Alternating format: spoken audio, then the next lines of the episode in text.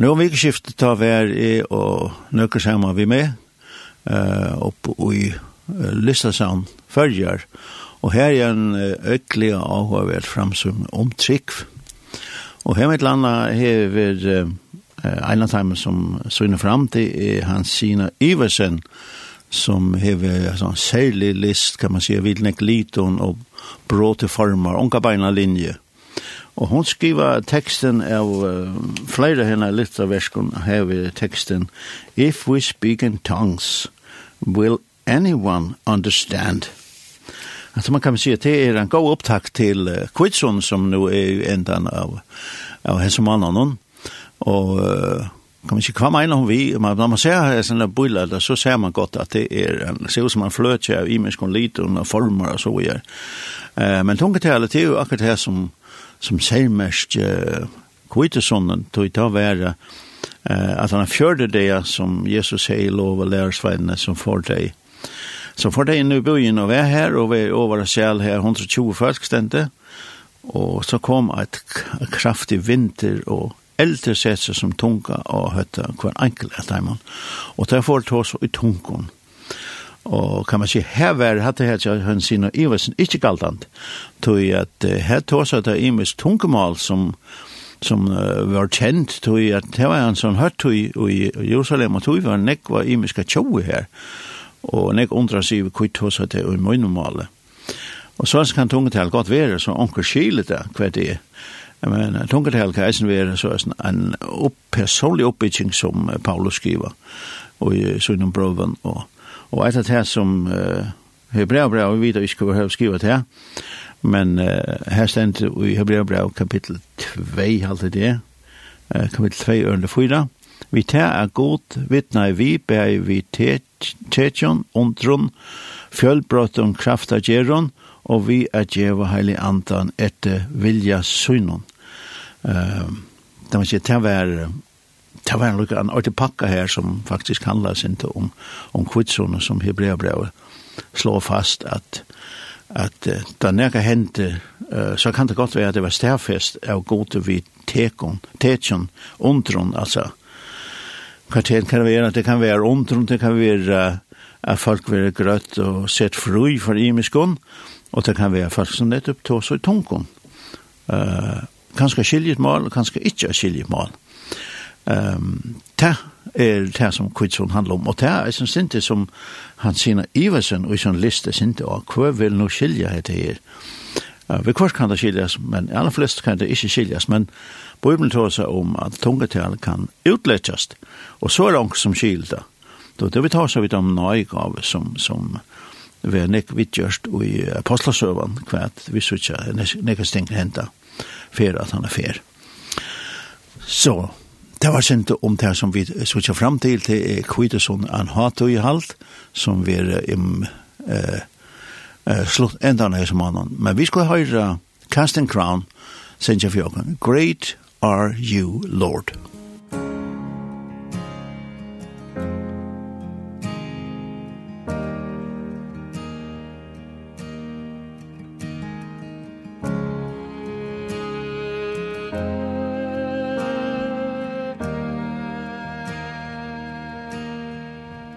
You give life. You are love. You bring light to the darkness. You give hope And you restore Every heart that is broken. Sing it to him. Great are you. 'Cause it's your breath in our lungs. So we pour out our praise. We pour out our praise. It's your breath in our lungs.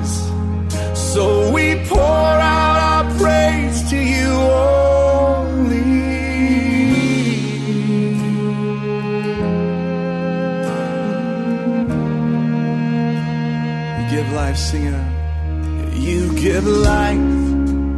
You are love.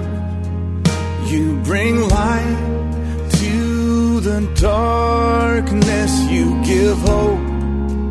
You restore every heart that is broken. Great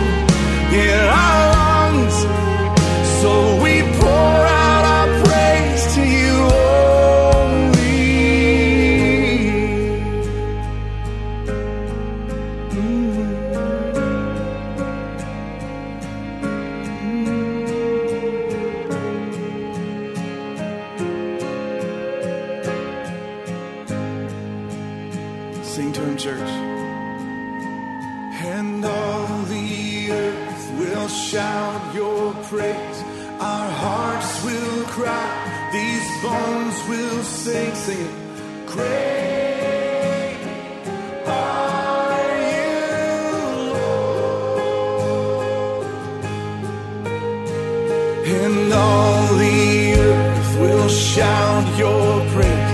Our hearts will cry these bones will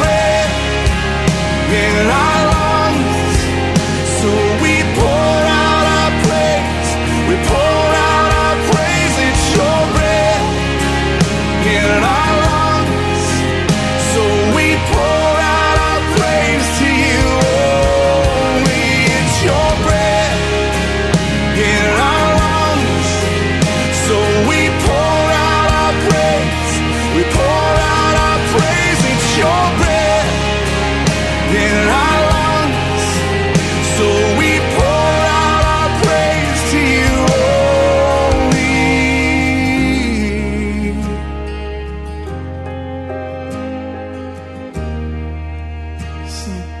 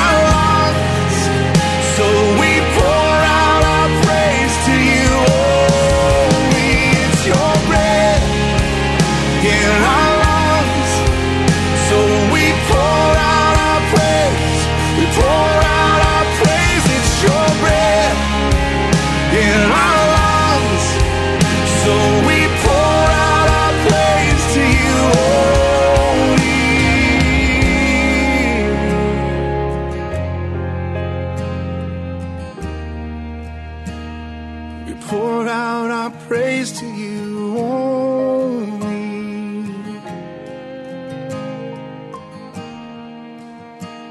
We pour out our praise to you only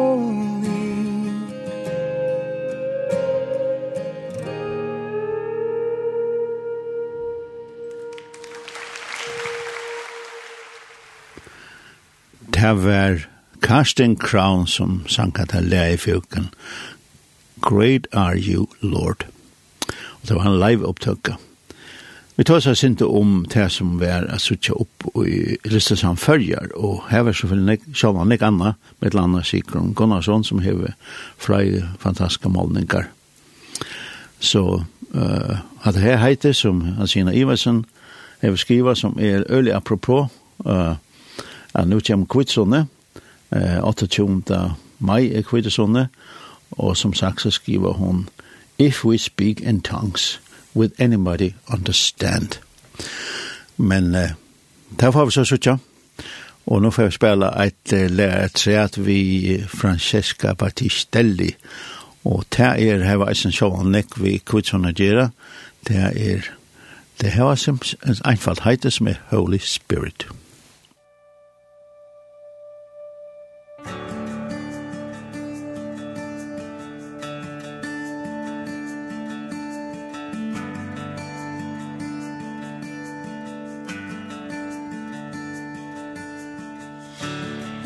There's nothing worth more that could ever come close.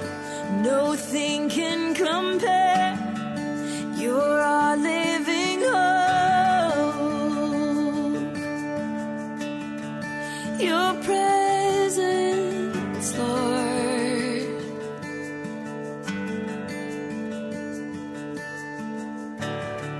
I've tasted and seen of the sweetest of loves where my heart becomes free and my shame is up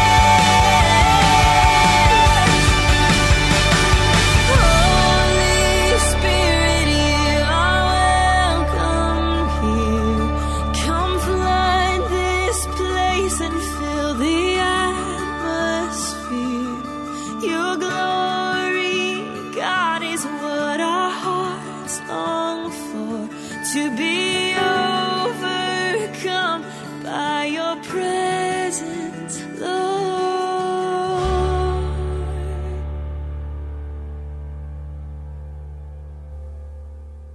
Det var Francesca Battistelli som sang for oss om Holy Spirit og en, upp, en heiesang, eller kan man si, litt av Guds heilige anda opp. Og det har vi rett bruk for.